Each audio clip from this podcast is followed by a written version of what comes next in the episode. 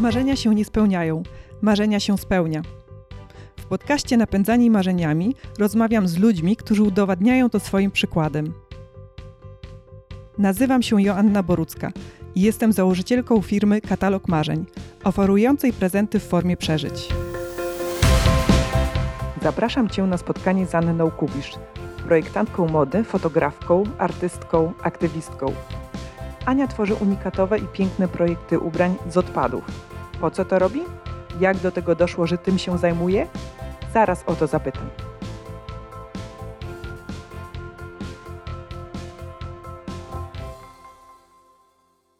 Cześć Ania.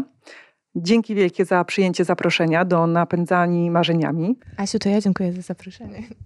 Ja chciałabym na start y, zapytać, kim ty się czujesz, bo przedstawiłam ciebie jako fotografkę, projektantkę mody, artystkę, także jako aktywistkę. A jak ty sama siebie widzisz? To jest bardzo dobre pytanie i to jest pytanie, z którym mam zawsze największy problem, jak na nie odpowiedzieć. I to było tak zawsze, odkąd byłam małą dziewczynką. Pamiętam, że zawsze zazdrościłam wszystkim znajomym, którzy wybrali sobie konkretną drogę i wiedzieli, że chcą studiować to i to, po studiach chcą robić to i to, pracować tu i tu. Natomiast ja zawsze miałam taki dylemat, że kompletnie nie wiedziałam. Robiłam daną rzecz, spełniałam się w tym, a już za chwilę czułam, że chcę robić coś zupełnie innego. Mm, więc e, jeśli nawet uda mi się odpowiedzieć na to pytanie teraz, to boję się, że po wyjściu do mojej głowy może wejść jakiś nowy pomysł i to się zmieni. Natomiast rzeczywiście e, aktualnie najbardziej e, czuję się projektantką, e, bo teraz właśnie tym się zajmuję. Projektantką recyklingową. Rzeczywiście ma to związek z ochroną środowiska. Wszystko zaczęło się od projektu z Europejską Platformą Recyklingu, gdzie robiłam ubrania, uwaga, z elektroodpadów, czyli zużytego sprzętu elektrycznego i elektronicznego. E, nie było to łatwe, e, ale robiłam też e, podczas tej akcji warsztaty z dziećmi z całej Polski ucząc ich trochę kreatywności, ale też to, o czym wspomniałaś, skupialiśmy się na tym, e, żeby właśnie elektroodpadów e, nie wyrzucać do zwykłych koszy na śmieci i to była taka myśl przewodnia, a ubrania były trochę pretekstem do tego, żeby zwrócić uwagę na ten bardzo ważny problem, ale też, żeby pokazać dzieciakom, że można zrobić coś z niczego, że można nadać życie odpadom, które na początku wydaje się, że do niczego się nie nadają i tak zawsze przed warsztatami, gdy na stołach leżały właśnie zużyte sprzęty, różnego rodzaju elementy, które wybieramy wybierałam najpierw w zakładach przetwarzających ten sprzęt, to wszyscy potem po warsztatach mówili, Ania, jak my to zobaczyliśmy, to pomyśleliśmy sobie, no nie mam możliwości, żeby coś z tego zrobić. A powstały rzeczywiście kreacje, które potem zresztą na finałowym pokazie mody zaprezentowały na sobie gwiazdy i o dziwo e, wszyscy stwierdzili, że to są kreacje, które nadają się na ściankę i niektóre z nich powiedziały, że chętnie je wypożyczą. E, więc rzeczywiście to był taki projekt związany z modą, ale też e, z ochroną środowiska środowiska. Mm, no i teraz jakby kontynuuję e, mm, właśnie to przedsięwzięcie. E, ostatni mój projekt to ubrania z rzeczy znalezionych na złomowisku, więc z różnego rodzaju metali, drutów. Mm, e, I z tego powstał też kalendarz, bo wspomniałeś, że jestem fotografem, więc ja też robiłam zdjęcia. No ale to jakby tutaj zmienia się tylko środek przekazu, natomiast no, myśl przewodnia gdzieś taka artystyczna i to, że moje ubrania bardziej podążają w stronę sztuki niż e, w stronę mody. Mm, to, to ja. Tak. Bardzo dużo e, opowiedziałaś już i ja chciałabym e, wypytać Cię o więcej szczegółów dotyczących tych projektów, ale najpierw chciałabym wrócić do tych początków, bo powiedziałaś, że teraz czujesz się przede wszystkim projektantką mody. No ale, a wracając do, do dzieciństwa. Jak to się zaczęło? Jak to się tak. zaczęło? No więc właśnie to jest zabawne, że czasem najbardziej oczywiste rzeczy um, najtrudniej nam sobie to uświadomić. I teraz jak patrzę e, w przeszłość, to wydaje mi się, że to było oczywiste, że ja będę to robić. E, natomiast e, w ciągu mojego życia wcale nie było to takie oczywiste. I myślę, że w ogóle to jest bardzo istotne, żeby w życiu znaleźć rzecz, e, którą się kocha. E, I to jest tak naprawdę najważniejsze, e, a często bardzo trudne, chociaż tak oczywiste. Mm, ja pamiętam, jak w podstawówce E, zrobiłam e, plecak e, dla siebie i dla mojej przyjaciółki. I to był plecak z wykorzystaniem elementów folii, w którą był opakowany kalendarz. To była czarna folia, przypominająca trochę strukturą lateks. I uwaga, udało się przeszyć ją na maszynie, więc zrobiłam dwa plecaki, które naprawdę z perspektywy czasu oceniam jako bardzo dobre. No, Do, umiałaś już szyć, czy to tak, był pierwszy? szyłam na mhm. maszynie, umiałam szyć, byłam samoukiem, natomiast to była taka maszyna trochę dziecięca, więc jakby skala trudności była e, jeszcze większa, bo teraz myślę, że nie wiem, czy by mi się udało na niej coś uszyć, ale rzeczywiście jakby patrząc na mój wiek i, e, i na mm, materiały, które miałam do dyspozycji, to stwierdzam, że to było fajne. I to było o tyle fajne, że pamiętam, że moja wychowawczyni zapytała mnie, gdzie te plecaki kupiłam, bo chciałaby taki sam sprawić swojej córce. A to były czasy, kiedy w sklepach naprawdę nie było dużego wyboru i nie było zbyt wielu rzeczy. I ja powiedziałam, że sama je uszyłam. No i ona tak trochę jakby miała wrażenie, że się obraziła. Mm, I potem pamiętam, że po zebraniu szkolnym moja mama wraca i mówi tak, słuchaj, ta wychowawczyni, ona naprawdę się na ciebie obraziła, bo ona mnie zapytała o te plecaki i powiedziała, że no ja byłam na tyle bezczelna, że nie chciałam się przyznać, gdzie to e, kupiłam, mhm. żeby jej córka nie miała takiego samego i mi też nie chciała uwierzyć, no ale w końcu przekonałam ją, że rzeczywiście zrobiłaś to ty. No i to był taki pierwszy moment, kiedy wykorzystałam elementy, które tak naprawdę nadawały się do kosza.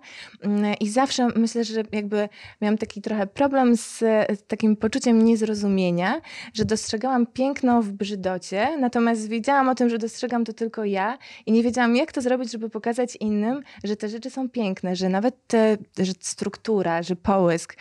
No i teraz myślę, że mi się to udaje, że poprzez zmianę kontekstu jestem w stanie przedmiot, który Mm, teoretycznie nadaje się do śmieci i może być uznany obiektywnie za rzecz brzydką, e, pokazać jako coś pięknego, żeby e, jakby wyostrzyć, e, uwypuklić te rzeczy, które są w nim piękne. I z tego się najbardziej cieszę, bo to jest trochę tak, że myślokształty, które wychodzą z głowy i przenikają przez tą barierę świata materialnego, stają się czymś takim niesamowitym, że mam wrażenie, że mogę dotknąć swoich myśli i że inni mogą też ich dotknąć. Oczywiście to jest czasami trochę niebezpieczne, bo wtedy ta rzecz jest narażona na krytykę. Czasem przejście przez tą barierę jest na tyle trudne, że że, że, ten kształt trochę się zmienia i jest już czymś innym.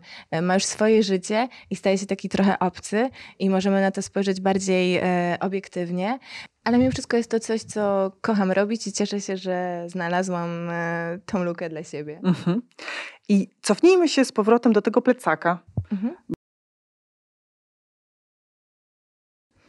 Co dalej? Ja w międzyczasie E, zajmowałam się artystycznymi rzeczami, malowałam. E, kończąc podstawówkę, wydawało mi się, że będę zdawać na ASP i zostanę malarką, do czego zachęcała mnie bardzo moja nauczycielka plastyki. Pamiętam, że zawsze mówiła mojej mamie, że jeżeli wybiorę inny kierunek studiów, to będzie to największy błąd e, mojego życia i że mimo tego, że byłam bardzo dobra z innych przedmiotów i wyczuwała, że jakby rodzice będą chcieli mnie pokierować trochę w inną stronę, to naprawdę za każdym razem podkreślała, żeby absolutnie e, kierować mnie w tą stronę.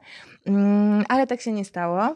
E, tak się nie stało z kilku powodów, e, między innymi też z takiego powodu, że mm, ja byłam taka trochę właśnie zawsze e, trudna. Uwielbiałam przyklejać gumy do rzucia na obrazy, malować szminkami i często nie stosować się do reguł.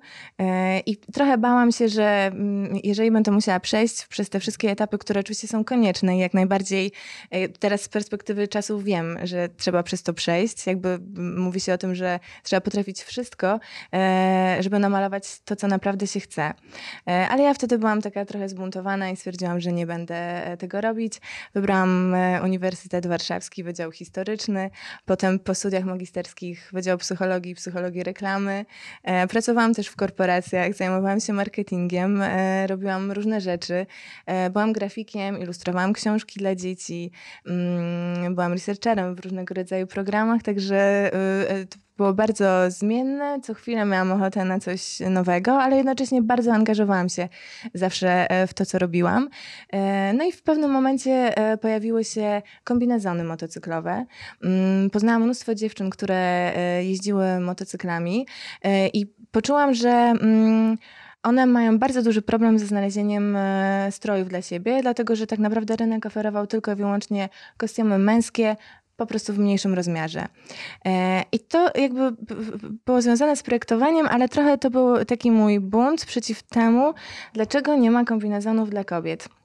I wtedy postanowiłam, że muszę to zmienić i że chcę doczekać momentu, kiedy będę na stacji benzynowej i zobaczę dziewczynę, która podjedzie w kasku i ja od razu z daleka będę wiedziała, że to jest kobieta.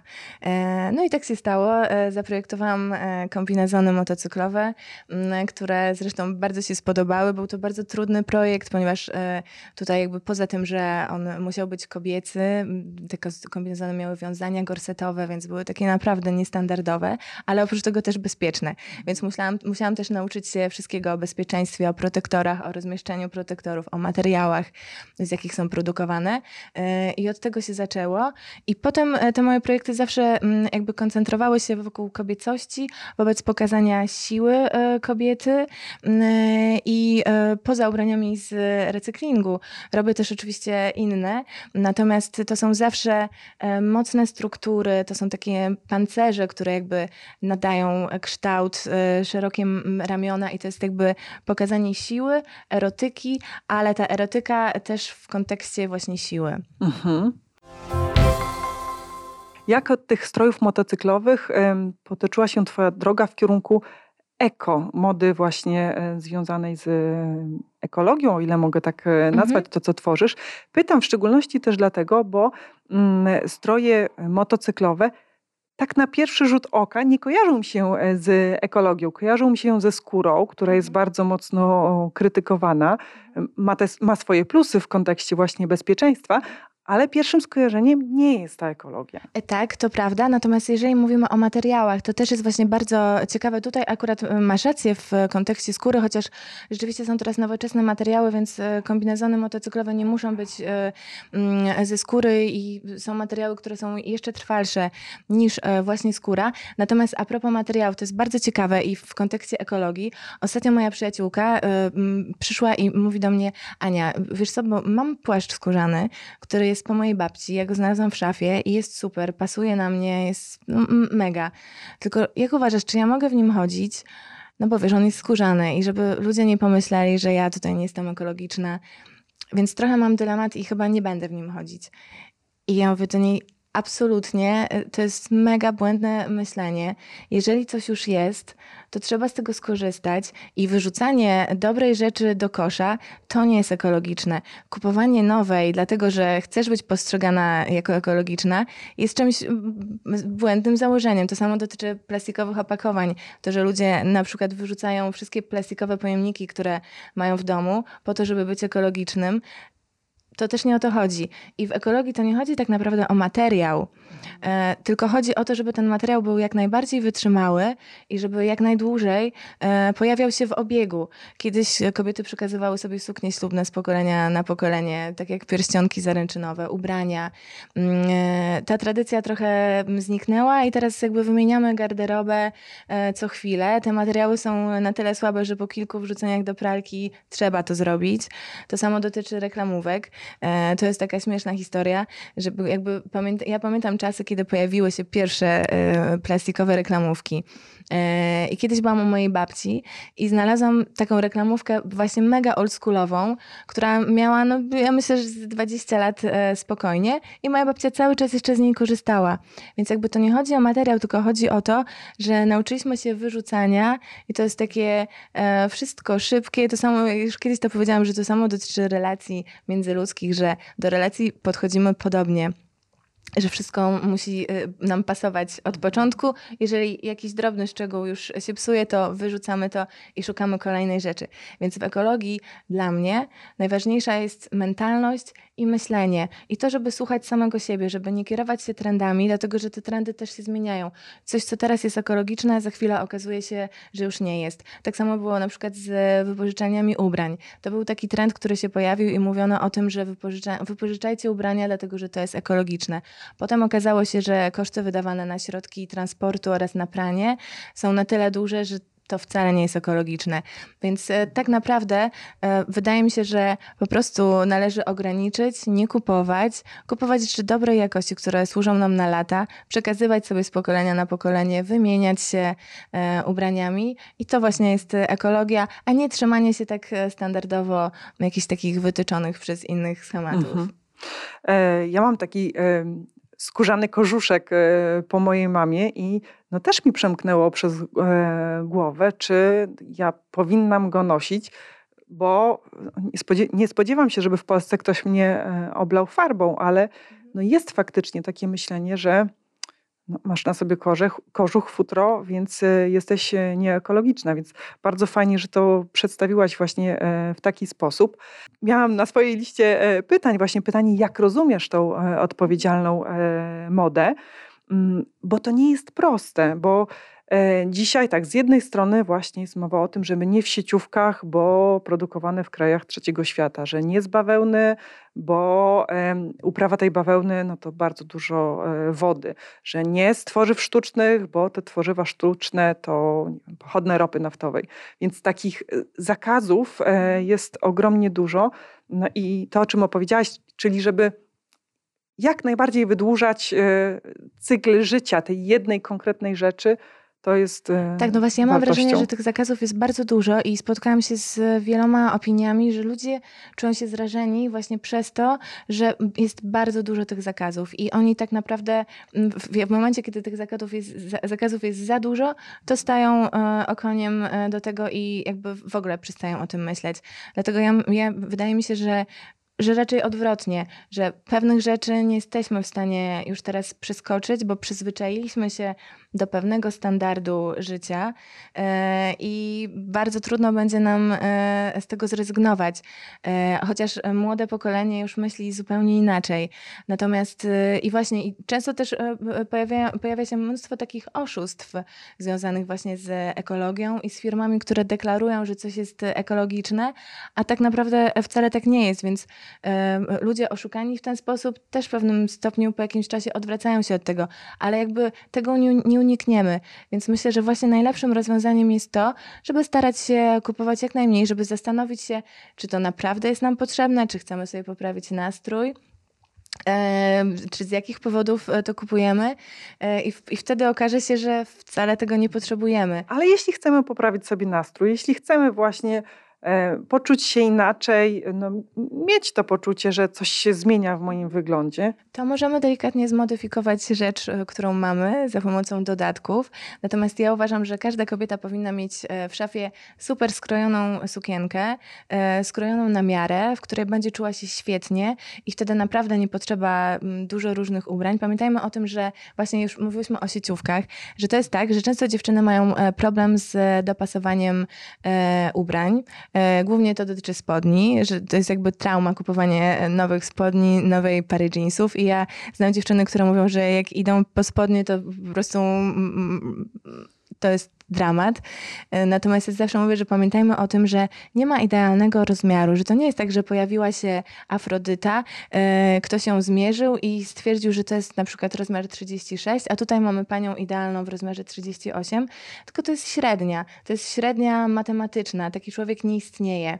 I jakby tkanka tłuszczowa rozkłada się w ten sposób, że u niektórych e, na ramionach, niektóre kobiety mają większy biust, inne mają szersze biodra i jakby tutaj nie ma opcji, żeby wybrać dla siebie w sieciówce odpowiedni rozmiar, bo to jest po prostu niemożliwe. Więc nie wpadajmy w kompleksy, że coś nie pasuje, bo to nie pasuje, dlatego że taki człowiek nie istnieje. E, natomiast uszycie u krawcowej sukienki, która będzie idealnie na nas leżała, e, idealnie podkreślała nasze kształty, w której będziemy wyglądać dobrze, podkreśli nasze atuty. E, myślę, że to jest taka radość, że nie potrzebujemy wtedy szukać nowych rzeczy, tylko taka jedna rzecz wystarczy. I możemy to wtedy modyfikować właśnie za pomocą dodatków i różnych rzeczy. A poza tym teraz y, jest to bardzo modne, żeby pojawiać się drugi raz w tej samej kreacji. Już te czasy, kiedy nie można pojawić się w tym samym, dawno minęły, e, więc jakby wszystko sprzyja temu, żeby tak nie robić. Mhm.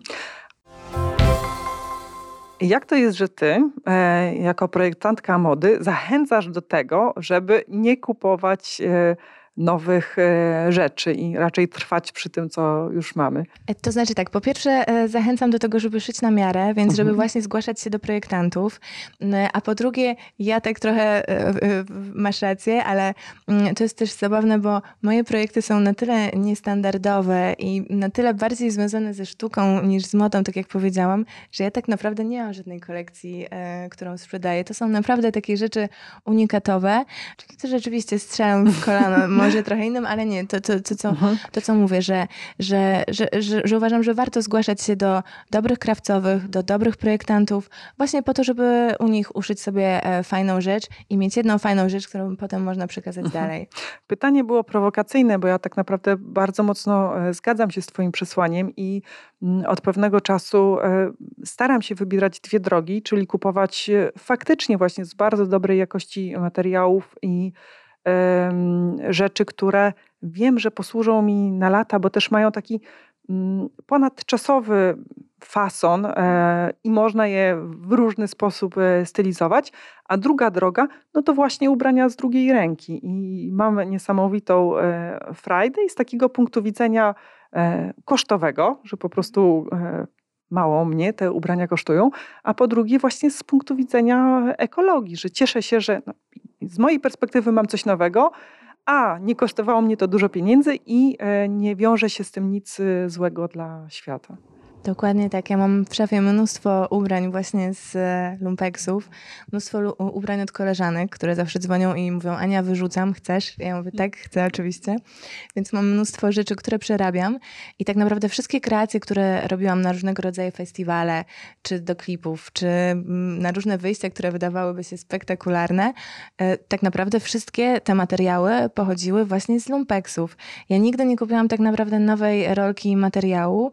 Ja zawsze przerabiam przerabiam, ale też jestem z tym szczera, więc zawsze mówię, mm, pamiętam jak zrobiłam e, dla Idy Nowakowskiej sukienkę właśnie na festiwal w Opolu, e, który prowadziła i powiedziałam do niej Ida, dół e, to jest sukienka kupiona za 5 zł, góra gorset 10 zł, plus protektory dziecięce na, na kolanniki i dodatki.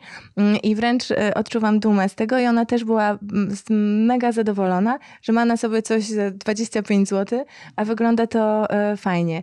Więc rzeczywiście pamiętajmy też, że ubrania można przerabiać, mhm. E, można malować i czasem wcale nie trzeba mieć jakiegoś super umiejętności manualnych. Jeśli się chce, to zawsze można to zrobić. Mhm. Wracając do projektu e, Moda na recykling, to skąd się pojawił w ogóle koncept takiego przedsięwzięcia? E, ja kiedyś przechodziłam przez etap fascynacji płytkami drukowanymi. E, rozkręcałam komputery i to, co tam widziałam, e, naprawdę mnie urzekało. I zawsze mówiłam, zobaczcie, jakie to jest piękne. To jest taki mikroświat, mikrokosmos. I wszyscy patrzyli na mnie i mówili tak, Ania, naprawdę. I właśnie po spotkaniu z Europejską Platformą Recyklingu mm, okazało się, że stwierdziliśmy razem, że to będzie bardzo fajny pomysł, żeby właśnie jakby zwrócić uwagę na ekologię, ale poprzez taki kreatywny sposób, żeby pokazać, że te rzeczy są piękne. Tutaj chodziło też o to, żeby zwrócić uwagę najmłodszego pokolenia w ogóle, czym są elektroodpady, bo to brzmi trochę enigmatycznie i czasem nie zdajemy sobie e, sprawy z tego, że e, zepsuty kabel, czy już nie mówię o bateriach, ale zepsuty telefon, e, żelazko, telewizor, słuchawki, słuchawki że takich rzeczy właśnie nie wyrzucamy do kosza na śmieci, tylko one muszą trafić właśnie do zakładów przetwarzania po to, żeby chronić zasoby naturalne. Zresztą medale olimpijskie mm, ostatnio, nie wiem czy wiesz, y, były właśnie z recyklingu. No, nie mm, wiedziałam. Z telefonów mhm. komórkowych, więc y, to taki fajny przykład. Poza tym one są niebezpieczne też dla środowiska, więc te wszystkie sprzęty, które ja przynosiłam oczywiście po, po, y, po spotkaniu z profesjonalistami w zakładach przetwarzania, którzy uznali, że te materiały są już bezpieczne, to też po to, żeby pokazać dzieciakom, że to są rzeczy, które właśnie są w waszych sprzętach, które macie w domu. Tak są zbudowane w środku i tam tam są rzeczy, które można ponownie e, wprowadzić w obieg i wykorzystać, a ubrania, tak jak wspomniałam, były po prostu pretekstem do tego, żeby to pokazać. Mm, no a dla mnie też trochę jakby, żeby zwrócić uwagę na to, że jeżeli jesteśmy w stanie zrobić coś ze śmieci, to to, co mamy w szafie, naprawdę jeszcze się nadaje i o wiele łatwiej będzie nam przerobić te rzeczy w szafie, niż zrobić ubranie właśnie ze śmieci. Ale też starałam się zrobić to tak, żeby one na pierwszy rzut oka nie wyglądały jak zrobione ze śmieci. I rzeczywiście pod tym kątem jestem przekonana, że mi się to udało, dlatego że wielokrotnie e, słyszałam, gdy ktoś mówił tak, kurczę, ale e, te, te koraliki, to one są takie podobne trochę do układów scalonych fajnie ktoś to zaprojektował. Ja mówię, nie, nie, bo to właśnie są układy scalone. E, więc e, ten projekt był naprawdę takim moim ukochanym dzieckiem, dlatego że miał w sobie po pierwsze fajne przesłanie, po drugie też e, uczył kreatywności. Dzieciaki na tych warsztatach nie sięgnęły nawet przez ułamek sekundy po telefon komórkowy, bo rzeczywiście widziałam w ich oczach ten zapał do tego, żeby właśnie zrobić coś fajnego i powiem szczerze, że czasem nawet czułam się trochę zazdrosna, bo te pomysły były super i jednak najmłodsi mają tak otwarte umysły, że są w stanie zrobić naprawdę fajne rzeczy. To są bardzo trudne materiały, ale ja uwielbiam trudne materiały, bo one też dają duże pole do popisu i wtedy efekty mogą być bardziej spektakularne. To dzieci wspólnie z tobą współtworzyły te ubrania? Dokładnie tak, dzieci współtworzyły, mm, ale też robiły swoje dodatki, biżuterię, e, różnego, różnego rodzaju e, rzeczy. A to były właśnie dzieciaki z całej Polski, więc ja zwiedziłam e, trochę kraj po to, żeby właśnie nieść ekologiczne przesłanie, ale też e, kreatywne. A finałem, tak jak wspomniałam, był właśnie pokaz mody, e, na którym gwiazdy zaprezentowały mm, te kreacje i tym samym też to było super, że pokazały dzieciakom, że nie trzeba mieć markowych ubrań, że one zakładają coś na siebie to, co zrobiły właśnie małe rączki e, najmłodszych e, i że to jest fajne i że tak można robić. Mhm. No właśnie chciałam zapytać Ciebie o, o te gwiazdy, które brały udział w projekcie. Czy łatwo było namówić e, znane osoby do tego, żeby założyły takie ubrania zrobione między innymi ze śmieci. Tak, o dziwo okazało się to bardzo łatwe i ja czasem sama jestem zdziwiona, bo czasem pamiętajmy o tym, że to musi być też dopasowane. Więc y, ja, ja, akurat tak dziwnym trafem zawsze udaje mi się trafić, że wszyscy się śmieją, że mam linijkę w oku, że przychodzę na przymiarkę i mam tak naprawdę jedną kreację wybraną już dla, dla danej osoby. Tutaj nie ma y, jakby wachlarza wyboru, dlatego że jest konkretna ilość kostiumów, y, która powstała.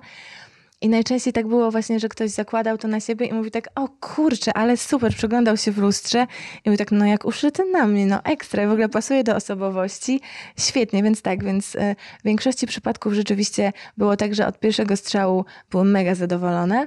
Czasem jakieś drobne poprawki, e, trzeba było e, jakieś modyfikacje, ale z reguły tak, bardzo zadowolony. Zresztą nawet pojawiły się głosy, żeby wypożyczyć e, potem te kreacje na, na, na jakieś eventy, więc myślę, że to świadczy o tym, że jednak się podobało. To super, bo myślę, że coraz y, tak mocniej widać zaangażowanie znanych ludzi w mm, ważne społecznie e, projekty i przesłania. I bardzo fajnie, że także w, w Twoim projekcie tak dużo znanych nazwisk e, uczestniczyło. Tak, ja też się cieszę. To jest jeden e, projekt głośny, myślę, że dosyć, który zrealizowałaś właśnie w obszarze mody odpowiedzialnej, odpowiedzialnej mody. A umawiając się na to dzisiejsze spotkanie, wspominałaś, że chciałabyś zrobić to po 11 listopada, bo realizowałaś inny e, duży projekt. Czy możesz już zdradzić e, jego, jego szczegóły? Mogę, tak jak najbardziej. Tym razem e, były to ubrania z rzeczy znalezionych na złomowisku, uwaga, więc też w duchu upcyklingu, mm, ale złomowisko w Tarnowskich Górach jest naprawdę super. Po pierwsze, niesamowita ekipa, niesamowity prezes, który jest wizjonerem. E, I wyobraź sobie, że e, oni robią torby z poduszek e, samochodowych, z poduszek powietrznych. To jest niesamowite, że są złomowiskiem, ale jednocześnie wykorzystują maksymalnie to, co jakby tam znajdują, więc dla mnie torby z poduszek powietrznych to jest po prostu genialny pomysł, bo jest to niezwykle wytrzymały materiał e, i po co wyrzucać go do kosza, skoro można użyć e, powtórnie i coś e, z tego zrobić. Więc ta koncepcja niezwykle mi się spodobała. No i powstał taki pomysł, żeby pójść dalej. Więc powstały na przykład sukienki z pasów samochodowych, z drutów miedzianych, z metali znalezionych właśnie na złomowisku, z poduszek powietrznych powietrznych też dwie kreacje. Mm, i było to niesamowicie dla mnie ciekawe, dlatego że no, z takich materiałów jeszcze nie tworzyłam. Pasy samochodowe okazały się po prostu rewelacyjnym materiałem, który ma niezwykły połysk.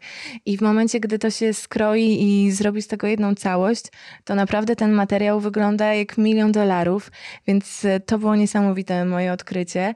Poduszki powietrzne też super, no i te metale e, kolorowe powstały z tego gorsety, e, suknia z drutu, która tak naprawdę jest w całości zrobiona tylko i wyłącznie z drutu, nie ma tam żadnego kawałka innego materiału. To było też wyzwanie, ale udało się. No i stwierdziliśmy, że zrobimy kalendarz. Modelki będą właśnie w tych kreacjach, właśnie na złomowisku, w naturalnym swoim otoczeniu i będą pokazywały właśnie, że na złomie można znaleźć coś ciekawego i nawet tam znaleźć rzeczy, które można wykorzystać. Zresztą ja podczas sesji poznałam pana, który pracował właśnie na złomowisku i pomagał mi robić scenografię do jednego ze zdjęć. I przyniósł różnego rodzaju garnuszki, dzbanuszki poobijane. I ja się niezwykle tym zachwyciłam, bo były to piękne rzeczy. I tak spojrzeliśmy sobie w oczy i poczuliśmy takie porozumienie. On był, jestem przekonana, że był, byłam pierwszą osobą, która tam na miejscu e, jakby poczuła to samo i on powiedział, ja te rzeczy tak naprawdę zabieram do domu, bo one są piękne, a koledzy tutaj patrzą na mnie, że ja tutaj nazywają mnie słomiarzem, śmieciarzem. Mhm. Ja mówię, ale ja się zgadzam z panem w stu procentach, bo te rzeczy są piękne i potem co chwilę przynosił mi e, kolejne rzeczy. I to też jest fajne, że jakby trzeba zwrócić uwagę na to, że czasem piękno e, tkwi w tym, że ten przedmiot ma swoją historię, że jest w nim jakaś tajemnica. E, I piękno nie zawsze musi być e, oczywiste. Mm, I cieszę się z tego, że ludzie to dostrzegają, że już nie tylko marka, nie tylko materiał, nie tylko to, że coś jest promowane marketingowo, tylko właśnie wracamy trochę do tradycji, do korzeni i zaczynamy odczuwać to, że ta historia zakręta w tym przedmiocie jest czymś bardziej intrygującym. Czy te torby mają jakiś swój brand? Można, jest jakiś sklep, w którym można je kupić? No właśnie e, złomowisko Olmet i na stronie internetowej e, można kupić właśnie torby z poduszek powietrznych i z pasów. I to mhm. jest naprawdę, one po pierwsze są piękne, po drugie są niezwykle wytrzymałe, na zakupy idealne, więc uważam, że to jest świetny pomysł. Ja jeszcze teraz chcę wprowadzić kopertówki z pasów -hmm. samochodowych. Jeszcze tego pomysłu im nie pokazałam, ale myślę, że to będzie też mhm. coś fajnego. Podlinkujemy e, właśnie link do, tak, e, do tej strony w, w, notatkach do tego podcastu, bo e, strasznie mnie to intryguje i, i sama chętnie zapoznam się z, z tą ofertą. W tym wszystkim, co opowiadasz, to ja czuję przede wszystkim taką misję, że działanie w kierunku tego, co jest dla ciebie ważne, co pewnie uważasz, że jest ważne dla świata, a chciałam Ciebie zapytać, czy dzielisz, czy to się w ogóle da, tak podzielić swoje działanie na takie grupy, że to robię i na tym zarabiam. Te działania to jest właśnie realizacja e, misji, którą sobie przyjęłam, a te działania realizuję, bo po prostu sprawiają mi przyjemność. No właśnie, ja w zarabianiu jestem najgorsza, także niestety nie, nie, nie potrafię tego robić i od zawsze miałam problem z tym, e, żeby w ogóle zaplanować cokolwiek, dlatego że ja nie potrafię po prostu wybiegać e, zbyt daleko e, w przyszłość. Bardzo koncentruję się na, na tym, co robię w danej chwili i ostatnio rozmawiałam z przyjaciółką i ona powiedziała, że, że to jest super, że ja uważam, że to jest moją największą wadą, a generalnie to ona by tak chciała, żeby właśnie koncentrować się na tym, co robi w danej chwili, więc też ostatnio mam takie myśli, że y, w ogóle w swoim życiu rzeczy, które traktowałam jako moje największe kompleksy czy, e, czy wady, nagle teraz okazuje się, że, mm, że, że pod pewnym kątem to może być e, fajne i że, że inni uważają, że, e, że to jest fajne, więc Więc nie, ja wchodzę w to, co czuję zawsze, nie myśląc o konsekwencjach i, i jeżeli przy okazji jakby jestem w stanie zarobić e, na tym coś, co da mi szansę, że tak powiem, przeżyć, to super. Natomiast jeżeli tak nie jest, e, a w wielu przypadkach tak nie jest, to to dla mnie nie ma znaczenia, dlatego że ja po prostu robię to e, dlatego, że muszę, dlatego, że to kocham i po prostu nie ma innego wyjścia. I pamiętam, że właśnie kiedyś moja przyjaciółka e, powiedziała do mnie, Ania, ja cię podziwiam naprawdę, że ty robisz to cały czas, a akurat wtedy robiłam sukienkę z worków na śmieci. To, to był taki projekt mój dla mnie samej siebie. E, I ona mówi, podziwiam cię, że ty to robisz tak od lat po prostu nie poddajesz się i cały czas po prostu dążysz e, do tego i, i, i to jest naprawdę niesamowite. I ja pomyślałam sobie, kurczę, ja w ogóle nie mam e, takich myśli, że ja się staram, czy że ja po prostu nie poddaję się. W ogóle dopiero jak ona mi to powiedziała, to pomyślałam sobie, to jest dziwne, ale ja nie robię tego dlatego, że dążę do czegoś. Ja po prostu robię to dlatego, że czuję, że muszę to zrobić w, danej chwili. To jest też to, o czym wspomniałam, trochę egoistyczne e, z mojej strony, dlatego że to jest moja taka potrzeba jakiejś takiej akceptacji tego, żeby inni dostrzegli to, co ja widzę, żebym nie czuła się takim totalnym alienem, że nagle widzę w przedmiocie coś niezwykłego, a wszyscy uważają, że to jest brzydkie, że to jest śmieć, że to się nadaje do kosza. I w momencie, kiedy uda mi się sprawić, żeby inni dostrzegli to piękno, to czuję się wtedy taka spokojniejsza i e, bardziej zrozumiana. Mhm. Więc to mi daje takie poczucie, jakby w ten sposób komunikuję się e, ze światem. E, I to jest moja droga po prostu komunikacji, którą wybrałam. Zawsze mówiłam, że słowa są jednym z najtrudniejszych środków komunikacji, a ja wybrałam taki. Mhm. Jak opowiadasz, to ja mam w głowie dwa słowa Pierwsze słowo to jest pasja, i to wydaje mi się, że to, o czym powiedziałaś, czyli że robisz, bo musisz, bo czujesz, że nie możesz inaczej po prostu, że musisz to wydobyć z siebie. To jest w pewnym sensie definicją słowa pasja, a z drugiej strony e, słowo sztuka.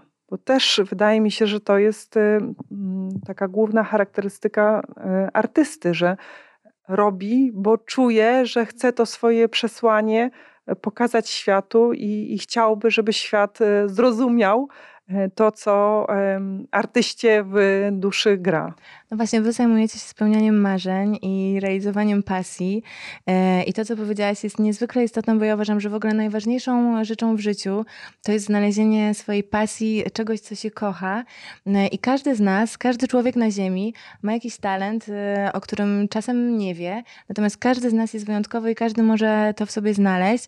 I to, co powiedziałam na początku, że często te rzeczy oczywiste wcale dla nas takie nie są. I dla mnie też wcale kiedyś to nie było oczywiste, chociaż teraz zastanawiam się, jak to było możliwe. Natomiast to jest na tyle cudowne, kiedy już znajdzie się to, e, co się kocha, że wtedy już naprawdę nie potrzebujemy niczego. E, I właśnie pytania, czy młodych artystów, którzy czasem mnie pytają, ale co zrobić, żeby osiągnąć sukces, jak to zrobić. E, I ja tak myślę, że tak naprawdę to nie o to chodzi, że to w ogóle nie jest istotne i że w ogóle to tak naprawdę niczego nie zmienia. Wręcz przeciwnie, w tworzeniu nawet może przeszkadzać, wydaje mi się. Tak. Więc mhm. myślę, że najważniejsze jest to, żeby skupić się właśnie na danej chwili i cieszyć się tym, co robimy e, w danym momencie. Nie myśleć o tym, czy to się sprzeda, czy to się spodoba komuś, bo to tak naprawdę nie jest istotne. Sam etap tworzenia jest najważniejszy. Zresztą tak jak w życiu. Nie dążymy do żadnego celu. E, najważniejsza jest każda chwila, którą spędzamy i to, co robimy, i z niej należy się cieszyć i czuć to w danej chwili, więc myślę, że tak jest ze wszystkim nie dążymy do celu, ważna jest droga i jednocześnie mamy marzenia i te marzenia ważne jest, żeby e, nas napędzały. I właśnie, jakie ty masz przed sobą marzenie, którym e, możesz się podzielić e, ze słuchaczami? To jest zawsze dla mnie najtrudniejsze pytanie, dlatego że to, co, o, czym wspomniałam, że dzieje się dużo i, i ja tak naprawdę dzisiaj mam wrażenie, że chyba że to, że mogę robić to, co robię, jest po prostu spełnieniem moich marzeń i moim marzeniem jest to, żebym mogła to robić dalej, e, żeby nie kończyły mi się pomysły i żebym e, nie poczuła nigdy, że zrobiłam już wszystko, e, bo chyba to by było najgorsze. Z poprzednim gościem rozmawialiśmy o tym, że czymś, co jest najtrudniejsze w życiu, jest osiągnięcie sukcesu, właśnie, bo co dalej? Dokładnie. Tak. Y, trzymam bardzo kciuki za Twoje marzenie, Twoje marzenia, Twoją drogę i właśnie to poczucie, że y, cały czas masz nowe pomysły, kolejne pomysły i nigdy ich nie zabraknie. I też namawiam wszystkich widzów i słuchaczy do tego, żeby również śledzili Twoją drogę i obserwowali Cię w mediach społecznościowych, bo myślę, że wystarczy tylko raz jeden e, wejść na Twój profil i od razu ja się po prostu od razu uśmiechnęłam, jak e, zobaczyłam Twoje projekty, jak zobaczyłam Twoje zdjęcia. One mm, faktycznie dla mnie wyglądają jak e, dzieła sztuki, a nie jak, nie jak ubrania, bo one wydaje mi się, że one po prostu są dziełami sztuki. One nie są ubraniami. No nie pójdziemy tak ubrani do E, do pracy czy na wyjście z przyjaciółmi, to jest e, coś, co, co się podziwia i coś, co mm, skłania do tego, żeby zastanowić się nad e, światem i pomyśleć trochę o swoim podejściu do mody. Ja bardzo dziękuję za zaproszenie i ja chciałam z mojej strony powiedzieć, że e, bardzo się cieszę, że jest taka osoba jak ty, e, która pomaga ludziom spełniać marzenia e, i też pomaga w kreatywności, bo to nie jest łatwe i pomaga też w znalezieniu tych marzeń, co jest tak naprawdę najtrudniejsze.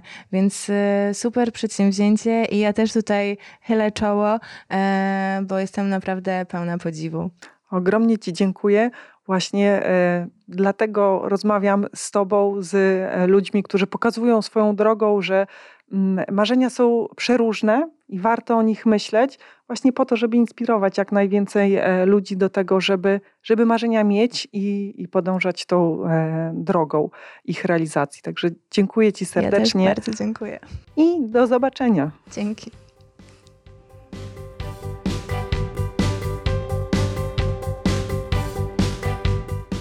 Pasja, pasja i jeszcze raz pasja. Właśnie przez pryzmat tego słowa zapamiętam naszą rozmowę. Warto pasję mieć i warto jej szukać. Pasja daje poczucie spełnienia i szczęścia. A jakie wy macie pasje? Podzielicie się w komentarzach? Będę ogromnie wdzięczna za każdy głos. Do zobaczenia wkrótce w kolejnym odcinku.